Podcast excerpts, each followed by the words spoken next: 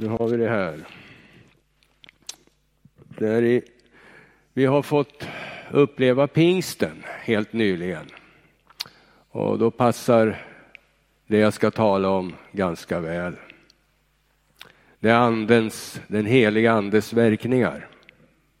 Och vi kan börja i Matteus 28 och 20. Och då står det så här att och se, jag är med eder alla dagar intill tidens slut. Och det här brukar man kalla ett löfte. Men faktum är att det är mer än ett löfte. Det här är egentligen ett konstaterande av faktum. Det är mer än ett löfte, det är ett konstaterande av faktum. Precis samma sak som vi säger att där två eller tre är församlade i mitt namn, där är jag mitt ibland dem. Det är också ett faktum. Det är inte ett löfte, det är mer än det. Och hur kan det här ske då? Jesus blev ju upptagen. Han blev upptagen till himlen.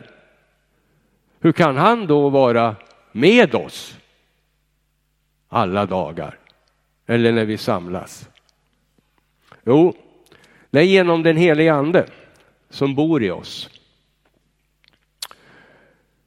För det är jag i Jesus och Jesus i mig. Jesus i mig och jag i Jesus. Och det står så i Johannes 14 och 20. Johannes 14 och 20 så står det så här. Då säger Jesus till sina lärjungar strax innan korsfästelsen. Den dagen ska ni förstå att jag är i min fader och att ni är i mig och jag är i er. Och i Johannes 14 och 17 står det så här. Sanningens ande. Eftersom han, eftersom han blir hos er och ska vara i er. För han förblir hos er och ska vara i er. Det är mycket i här. Tänk att man kan hålla en predikan över en enda bokstav, bokstaven i. Men det är någonting som är en verklighet det här. Jag är i Jesus och Jesus är i mig genom den heliga ande. Så vart jag och du än går och vart vi än vänder oss så är Jesus med oss. Förstår det här? Därför att där du går fram, där du drar fram, där drar Guds rike fram. Det är så. Det är ganska mäktigt det här. Alltså, Jesus säger ju själv så här. Guds rike är inom er. Han säger till fariseerna när de frågar, ja, var är Guds rike då? Ja, Guds rike, det kommer inte så att ni kan ta på det eller att ni kan se det med era egna ögon så där helt plötsligt, utan Guds rike är inom er, säger han till fariseerna. Det kanske inte var så värst mycket Guds rike i dem just då, men i alla fall, Jesus beskriver det här på det här sättet. Det är Guds rike som är i oss. Därför att Guds rike är där Jesus är. Och var är Jesus? Jo, han är i mig och han är i dig. Så där är Guds rike. Så där du går fram, där går Guds rike fram. Det är liksom någonting vi måste förstå. Alltså där. Man kan kolla det i Kolosserbrevet 1 och 13. Så står det, och det här är en ganska häftig vers.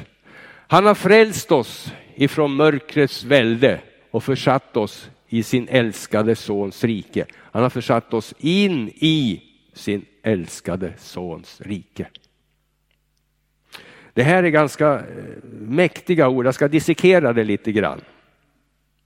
Därför att först och främst det här ordet frälst, han har frälst oss ifrån mörkrets rike. Där använder eller används ett lite ovanligt ord för frälsning i grekiskan, i grundtexten. Det är ett ord som heter erysato. Det normala ordet som används för frälsning i, i skriften, det är så soteria, så Men här används det ett annat ord, just för att precisera vad det egentligen handlar om. Erisato beskriver mer vad vi är frälsta ifrån, vad vi är räddade ifrån. Det hemska, vidriga, äckliga som vi är räddade ifrån. Det är vad Erisato beskriver. Soso beskriver oftast till någonting underbart. Soteria, frälst. Vi är frälsta till någonting häftigt. Va? Men Erisato beskriver i sitt, i sitt innehåll mer vad vi är frälsta ifrån. Va? Och vad är vi frälsta ifrån? Jo, han har frälst oss ifrån mörkrets välde. Så det är därför används ordet erisato.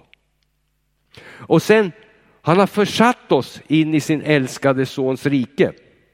Det är ett ord som heter metestesen. Och det, vill, det är alltså någonting som är verkligen handgripligt.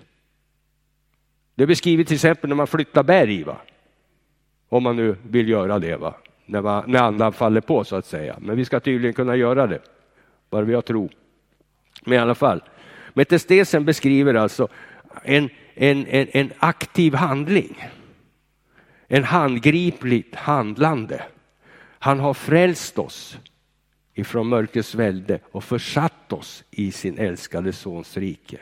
Och allt det här är beskrivet i en grammatisk formel som heter aurist på grekiska. Glöm aldrig det. Va? Är det någonting liksom ni ska komma ihåg så är det när ni stöter på det här ordet aurist i grekiskan. Det beskriver en fullbordad handling en gång för alla som inte är reversibel. Det är ganska häftigt. Alltså en handling som är gjord en gång för alla och kan inte göras ogjord. Så frälsningen är inte någonting som flyttar fram och tillbaka så här liksom. Va? Utan han har frälst oss ifrån något fruktansvärt till någonting fantastiskt. Och handgripligen har han tagit tag i oss och gjort det här. Alltså det är någonting som sker i den andliga världen när jag lämnar mig till Kristus.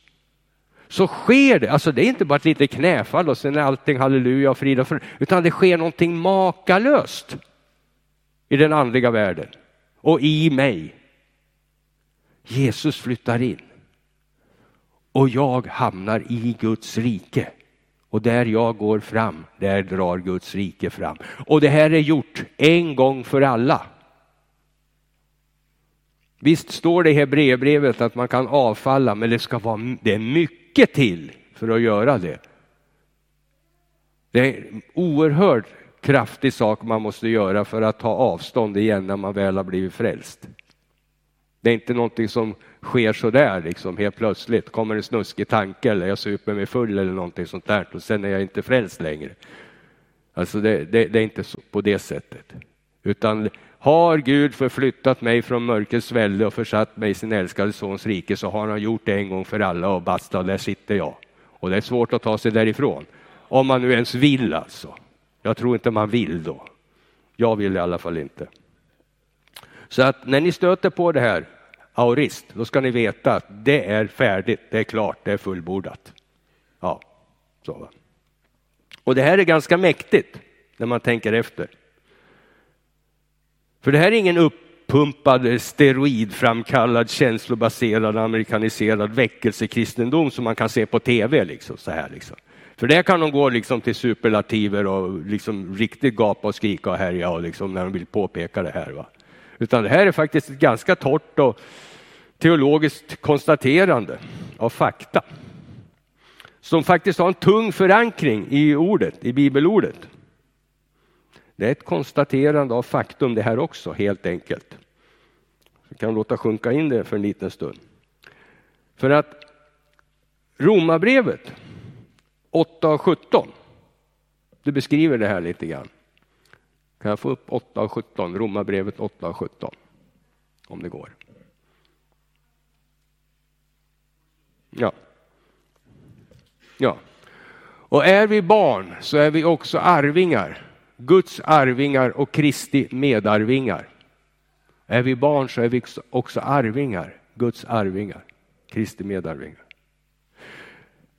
Det är så här liksom att genom det här så ärver vi inte bara vad Gud har. Alltså vi är välsignade med all den himmelska världens andliga välsignelser. Va? Men vi ärver också vad Gud är. Inte bara vad han har, utan vad vi är. Det är därför Jesus säger, det är bra att jag ska gå bort. Det är bra för er att jag gör det. Liksom. Och hur ärver man en människa? Jo, man ärver någon som har dött. Och det var ju det Jesus var på väg att göra. När han dog, och inte först en människa har dött kan ett arvsskifte ske. Och det är då vi ärver vad Gud är genom den heliga ande. Det är ganska bra. Det är därför Jesus kan säga, det är bra att jag går bort. Liksom. För jag ska sända den heliga ande. Den heliga ande är Gud.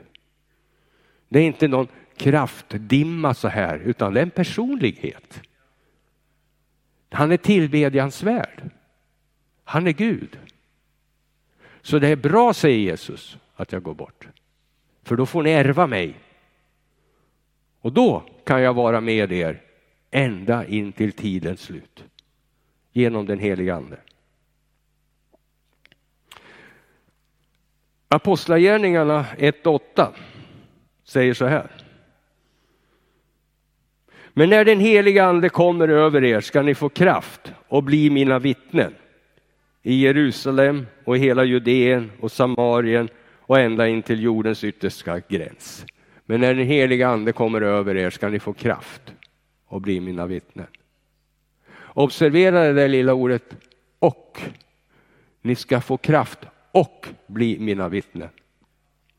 Ja, så jag hör det här ganska ofta att det sägs så här, ni ska få kraft till att bli mina vittnen, men så står det inte i, i skriften. Det står inte så i grundtexten. Det står faktiskt och, ordet är kaj, och ni skall vara åt mig vittnen. Vi ska få kraft och vi ska vara vittnen.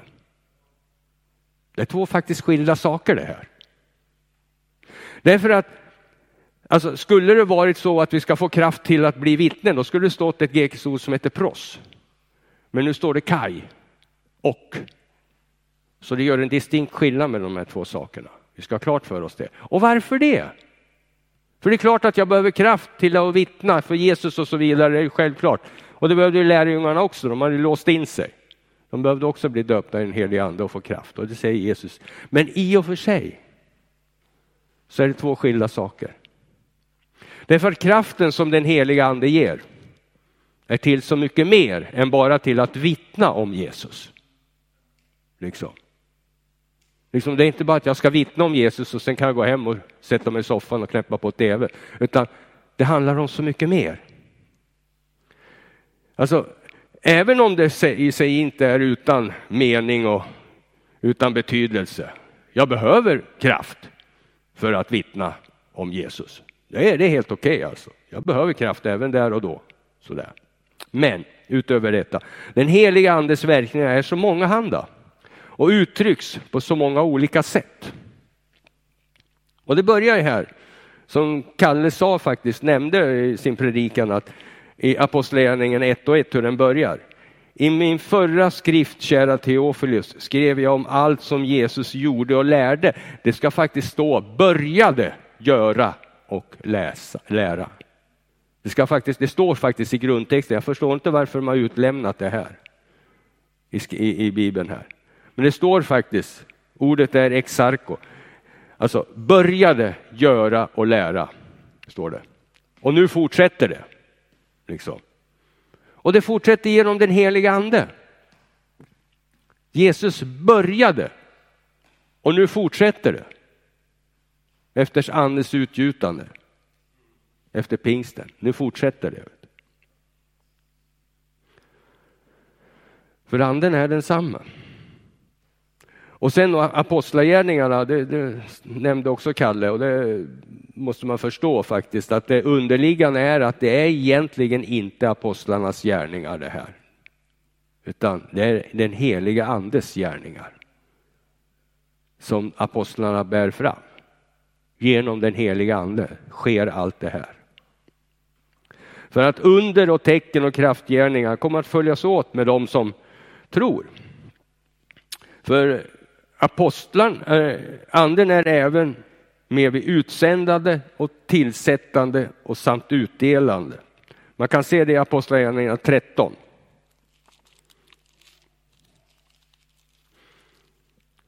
Apostlagärningarna 13 och 2 till 4.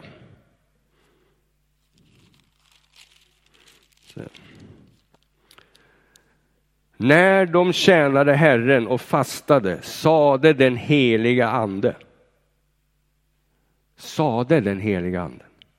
Avskilj åt mig Barnabas och Saulus för den uppgift som jag kallat dem till, som jag har kallat dem till, säger den heliga ande. Då fastade och bad och lade händerna på dem och sände ut dem. Det är den helige ande som utsänder och tillsätter och utdelar andens nådegåvor. För anden, den kommer till uttryck även i tjänstegåvorna och i nådegåvorna. Den heliga ande är eh, liksom vidsträckt. Det är inte bara att vi får kraft till att vittna utan den heliga ande är med i allting egentligen som sker i församlingen. Som sker här på jorden. Varför det? Han var med och skapade jorden. Den heliga ande är verksam och utgjuten över allt kött. Det är inte bara över oss pingstvänner utan den heliga ande, säger Joler, ska gjutas över allt kött. Vi har en makalös väckelse runt om i hela världen. Som vi kanske här uppe i Sverige och Norden inte känner till så värst mycket om. Men det är en makalös väckelse i hela världen. Alltså. Den heliga ande är verkligen utgjuten över allt kött. Och särskilt bland muslimer. Det är märkligt. Men den heliga ande är verksam just nu över hela världen. Jag läste på ett ställe till exempel att, att det blir fler folk frälsta i hela världen dagligen än folk som dör. Frälsningsnumret har gått över mortaliteten. Förstår ni? Det är fler som väcks till liv än de som dör. Det har aldrig skett i jordens historia förut. Utan nu har det gått om. Alltså, även när vi står inför domstolar kommer anden att ge oss ord till försvar. Det står i Markus 13 och 14. Markus 13 och... Nej, det kan det inte vara. 13 och 11. Där. Ha. Jag skriver ju som en läkare, vet ser inte min egen handstil. Ja. När man för bort er och utlämnar er så gör er inte bekymmer för vad ni ska säga. Vad som ges er i den stunden ska ni tala. Det är inte ni som då talar utan den heliga ande. Den heliga ande. Liksom. Ett av orden för den heliga ande är parakletos. Det betyder faktiskt försvarsadvokat. Han är våran advokat, han talar för oss. Han lägger sina ord i våra munnar när vi ska försvara oss, för det kommer vi att få göra. För förföljelse är den naturliga delen i all väckelse. Var beredda på att vi kommer att få uppleva det, även här i Sverige. Och då när vi står inför domstolar eller när vi står inför andra situationer så kommer den heliga ande och ge oss ord. Och det ser vi faktiskt på ett ställe i Apostlagärningarna. Precis innan Stefanus, den första martyren, blir stenad. Varför blir de så arga på honom? Så att de bara rusar emot honom, biter ihop sina tänder och stenar honom till döds. Jo, det står så här. Men de kunde inte stå emot den vishet och den ande som här talade genom Stefanus. Han vederlade dem i alla lägen. De kunde inte stå emot och då fanns det bara en sak att göra och det var att gripa till våld. Antingen böjer man sig eller så griper man till våld. Och de grep till våld och dödade honom. Men den kunde inte stå emot den vishet och den ande som här talade. Men allt det här, det börjar som sagt redan i frälsningsögonblicket. Den heliga ande flyttar in i mig när jag blir frälst. Många tror det här liksom att det sker när jag döps i, i anden och sådär. Liksom. Nej, redan när jag blir frälst. Han har frälst oss ifrån mörkrets välde och försatt oss in i sin älskade sons rike. Och det är inte vid andedopet, utan det är när jag blir frälst. Så sker det här. Så det händer mycket när jag blir frälst. Det händer enorma saker i den andliga världen. Helt plötsligt har Guds rike flyttat fram sina positioner. Och det är inte någonting som ropas halleluja i den mörka världen precis. Så var för säker på det, att det händer saker och ting. Man får motstånd. Men redan i frälsningsögonblicket. Jag, jag har ju berättat om hur jag blev frälst samma dag jag muckade från fängelset i Norrköping. Samma dag jag kommer ut ifrån portarna så träffar jag på en polare som ja, han var ofin nog och gått och blivit frälst utan att fråga mig om lov medan jag satt inne. Så att han mötte mig utanför och så vittnade han för mig och helt plötsligt så blir jag frälst där i gathörnet i Norrköping. Och jag måste säga att jag hade inte mycket talan där utan Guds ande födde liv i mig genom evangelium. Liksom, det var helt fascinerande. Men det har jag berättat förut. Men jag har inte berättat om vad som hände sen. Jag åkte från eh, Norrköping skulle jag hit till Eskilstuna för min mamma och pappa de bodde här i Eskilstuna faktiskt i de här eh, höghusen mittemot centralen. Eh, I de här tre stycken vita höghus. Och i den mittersta där bodde mamma och pappa på sin tid. Och eh, jag hade suttit några år i fängelse så att jag kommer upp till mamma då liksom och jag hade ju ingen bostad, jag hade ju ingenting och jag hade ett muckabidrag på 150 spänn på mig och sådär liksom som jag hade tänkt att köpa röka för och sådär. Men vilket fall som helst så kommer jag upp till mamma och ringer på dörren och, och så öppnar hon dörren och så säger hon, jaså är det bara du, säger hon och så ska hon slå igen dörren och jag får in en fot eh, precis in i dörren och säger, ja men mamma jag, jag kan få komma in och Eh, tittade hon på mig så här, det finns ingen anledning, så. Ja, men jag har ju suttit nu ett par år, jag har inte varit hemma och så där liksom, så du kan väl komma in och uh, bjuda på kaffe åt, du kan bjuda mig på en kopp kaffe åtminstone. Nej, sa mamma, vet, det är ingen idé, så. för att när du går härifrån så fattas det alltid någonting i hushållet. Ja, det är klart, alltså. jag stal ju allt. Jag stal allt som inte var fastspikat, alltså. så det spelar liksom jag var tjuv. Liksom. Jag stal av mamma och pappa, jag stal av alla. Liksom. Så hon ville inte gärna släppa in mig. Liksom. Så, ja, men en kopp kaffe då morsan, sa jag. Vet. Ja men okej, en kopp kaffe kan du väl få, så. Och så satte hon på kaffehurran och jag satt vid köket där och hon hällde upp en kopp kaffe och så stod hon bakom mig liksom och hovrade över mig och höll reda på mina händer och var de befann sig. Så här. Så här, va. Och så berättade jag liksom att jag hade träffat på Kenneth då liksom och, och att jag Eh, skulle bli frälst. För jag fattade ju inte att jag redan var frälst. Det, det begrep inte jag, för jag hade en annan uppfattning om hur det var att man blev frälst. Alltså, då skulle det komma in en ängel i rummet och så dubba mig med ett svärd och så skulle det komma en blixt. Och, alltså jag hade en sån här uppfattning om när man blir frälst, att då skulle det hända riktiga prylar. Va? Jag förstod ju inte att jag redan hade blivit frälst. Va? Liksom så, va? Men det hade jag blivit. Så jag sitter där och säger liksom att jo, men Kenneth har berättat om det här med, med Jesus och så där. Då sa hon, Jesus, det ska du passa dig för, sa morsan. Alltså, det är farliga grejer. Ta du och lås in dig på något ställe som du brukar göra när du har flippat över i huvudet på dig. Liksom så, där, va? så att eh, det där med Jesus, det ska du passa dig noga för. Jo, sa jag, men mamma, jag, jag, jag, tror på det här faktiskt. Jag tror det är sant, det här som Kenneth har berättat för mig. Jag tror faktiskt det är sant det här med Jesus och frälsningen och alltihopa. Ja, sa mamma helt plötsligt, så tittar hon på mig och sa, ja, så. För första gången i mitt liv, sa så tror jag på vad du säger. För du är inte lika galen i ögonen som du alltid har varit tidigare. Du vet, det var en annan ande som tittade ut där. Och den såg min mamma. Hon såg att det hade hänt någonting. Liksom. För jag var inte lika galen i ögonen längre. Så Och jag flyttade ut eh, hemifrån då så hamnade jag tillbaks i Norrköping på Vikbolandet hos ett pastorspar som tog hand om mig.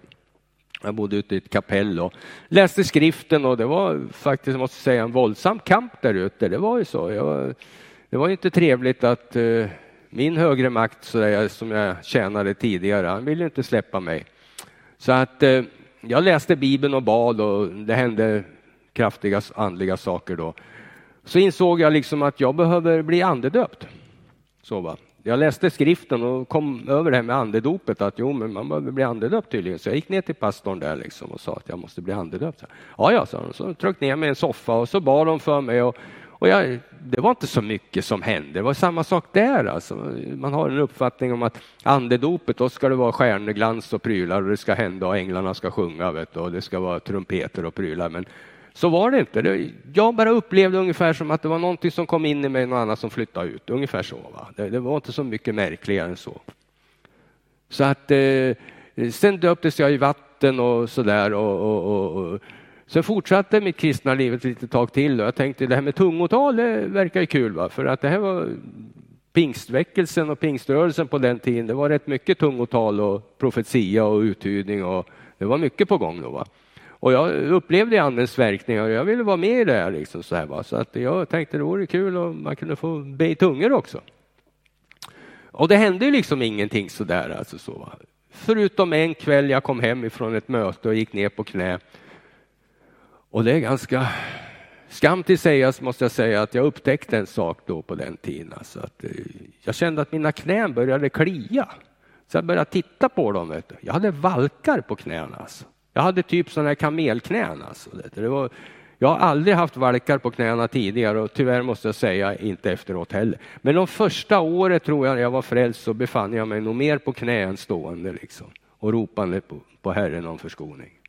Jag bad mycket. Men jag kom hem och jag föll på knä och började bedja. Och helt plötsligt så, så kom det ett helt annat språk va? ur min mun. Va? Och jag hoppade upp liksom, så här, vad var det där för någonting? Vad, vad? Ja men oj, herrejösses, det är tungotal, vad häftigt. Liksom så här. Jag hade börjat tala i tungor helt plötsligt. Va? Mitt i bönen så började jag tala ett helt annat språk. Och, och det var rätt häftigt så här. Va? Så att jag hade blivit andedöpt och jag började tala i tungor och så där. Va? Mm. Men som jag sa tidigare så var det kraftig kamp i början. Va? Det var mycket som hände. Som till exempel, eh, jag, jag låg och sov.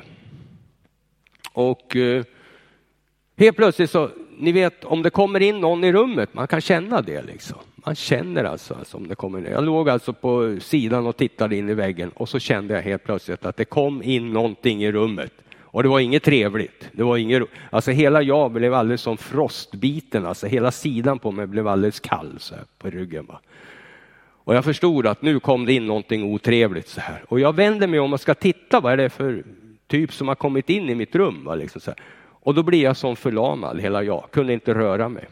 Och så stiger anden upp ur mig och jag börjar sjunga. Jag, börjar, jag har sjungit en gång i anden och det var då. Och det var någonting makalöst. Jag sjöng någonting oerhört, den här hallelujakören. Så det är riktigt underbart härligt och mäktigt. Alltså, jag har en underbar sångröst, bara så ni vet det. Liksom. Ni ska inte tro på det ni hör idag, liksom, utan makalöst. Alltså, så här. Jag har aldrig sjungit på det sättet tidigare. Alltså. Det var oerhört kraftigt. Och det öppnade sig som i luften, som, som ett, ett ljus. Och i det sjöng jag med full kraft så här. Underbart va. Och sen eh, så började det förklinga och så kom det tillbaks ännu starkare så här. Och jag sjöng, vet du. jag sjöng hallelujakören, vet du. repeterade flera gånger och det var så makalöst underbart. Och sen så sjönk det in igen så här och sen helt plötsligt kunde jag röra på mig. Jag satte mig upp i sängen och sa, vad har jag varit med om? Då hör jag en röst som säger så här, där lovsång finns kan inget ont existera. Det var helt enkelt en räddningsaktion jag hade fått vara med om. Va? Och jag var eh, lite förbryllad över det här. Liksom. Så dagen efter så kom jag och jag tänkte, vad är det för någonting jag varit med om? Så här, eh, jag visste ju ingenting om det här, liksom, sådana här grejer. Va? Och jag kommer och går ner på stan, så kommer det en tjej fram till mig som heter Marianne Andersson. Liksom, så hon var med i församlingen, då. hon har jobbat på dagen och sådär. Och hon ingick väl i en liten grupp alltså utav ungdomar som vi samlades mycket och bad och sjöng lovsånger tillsammans och så här i församlingen. Så hon sa du Stig, jag måste fråga dig vad var det som hände igår kväll vid tio tiden? Så här liksom sova. Därför att jag låg hemma och låg i sängen och skulle sova för jag var sjuk. Jag var febrig igår kväll. Så. Och så väcker mig Herren och säger du måste gå upp och be för Stig. Och hon sa, nej men herre, jag, jag, du ser jag är sjuk, jag orkar inte, jag, jag mår inte bra så här. Då sa Herren bara åt henne, du måste gå upp och be för Stig. Och så fick hon se en syn. Va? Hon såg mitt eh, hushåll, alltså. hon hade faktiskt varit hemma hos mig en gång. Va? Så hon visste hur det såg ut hemma hos mig. Så hon berättade att hon fick se eh, min, min lägenhet och det var alldeles kolsvart. Det var så mörkt. Hon sa det var sån tjock mörker i din lägenhet. Och jag gick ner på knä och så bad jag och det var inget speciellt sådär. Eh, så några enkla ramsor bara, några enkla böner för dig och så vidare. Och så fick jag se en ny syn och då var det alldeles ljust och klart och rent i din lägenhet. Och så klev jag upp i sängen och så lade jag mig och sov. Och nu vill jag reda på, sa hon, vad var det som hände hos dig igår kväll? Och då fick jag berätta det här. Alltså, Herren gör ingenting utan att förbön är med. Han involverar andra människor också. Så att våra förböner sätter änglaherrar i rörelse. Och hon fick ju en bekräftelse på vad, vad, det var meningen, varför hon skulle be för mig. Och jag fick berätta det här för henne. Liksom. Och jag fick ju en bekräftelse själv också på att det här hade varit rätt och riktigt det här som för sig gick. Va? Det var en ganska makalös upplevelse om man säger så. Va? En räddningsaktion. Så men det var ändå ganska svårt. Va? Jag, jag har ju knarkat och supit i princip hela mitt liv. Liksom, va? Så, va? Jag var 50 år gammal när jag blev drogfri. Alltså. Jag knarkade och supit nästan 40 år. Liksom, så, va? så det var jobbigt och det var svårt. Alltså, så, va? så en natt så ligger jag i min säng och sover. Och så är det som någon bara tar tag i mig och reser mig i sängen och jag sätter mig kapprak upp i sängen och så går det som en ström genom hela kroppen på mig. Va? En sån där äh, hisnande känsla som jag brukar beskriva det för att alla ska förstå känslan. Det är som när man drömmer och faller i hisschakt eller i mörka schakt. Den där hisnande känslan när man bara faller helt handlöst. Det bara sjunger igen. Va? Sådär. Den känslan bara sköljde igenom mig och då förstod jag nu behöver inte jag supa och knarka mer. Nu är jag helt fri. Där tog Herren bort den mentala besattheten av att jag måste supa och knarka. Det bara försvann alltså. Och det är 17 år sedan det här hände. Liksom. Jag har varit helt ren inombords. Sådär. Ja. Ja. ja. Och sen dagen efter så kom jag gick bara på, skulle iväg på ett eh, anonyma narkomaner-möte och var på väg och gick vid Stålforsskolan där nere vid, vid järnvägen. Så jag skulle gå över övergångsstället där vid refugen.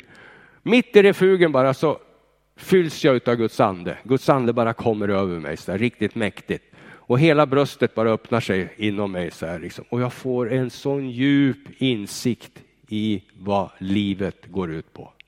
En sån där insikt som man inte själv kan tänka ut. Jag visste ju direkt vem det är som ger mig det här. Liksom. Det var en sån jo, oerhört djup insikt om vad livet går ut på. Och jag bara, jaha, det är det här det handlar om. Så här, liksom. Och upplevelsen där när jag stannade upp där i refugen, det var två stycken kompisar som stod 20 meter bort. De bara vände, liksom sa, Stig, vad var det som hände där? Vi såg det hände någonting där. Berätta för oss, vad var det som hände? Så där. Och då fick jag berätta det här för dem. Liksom så att jag hade blivit uppfylld av Guds ande. Alltså det här är över 17 år sedan det här hände. Därför att han verkar i både vilja och gärning. Därför att hans goda vilja ska ske. Och han för oss in i förutberedda gärningar. Och då tänker jag så här, liksom, det är många som tänker, ja men inte jag då, jag som är så syndig och så vidare. Va? Men Enligt Korinthierbrevet, första Korinthierbrevet 1 och 30 kan man läsa så här.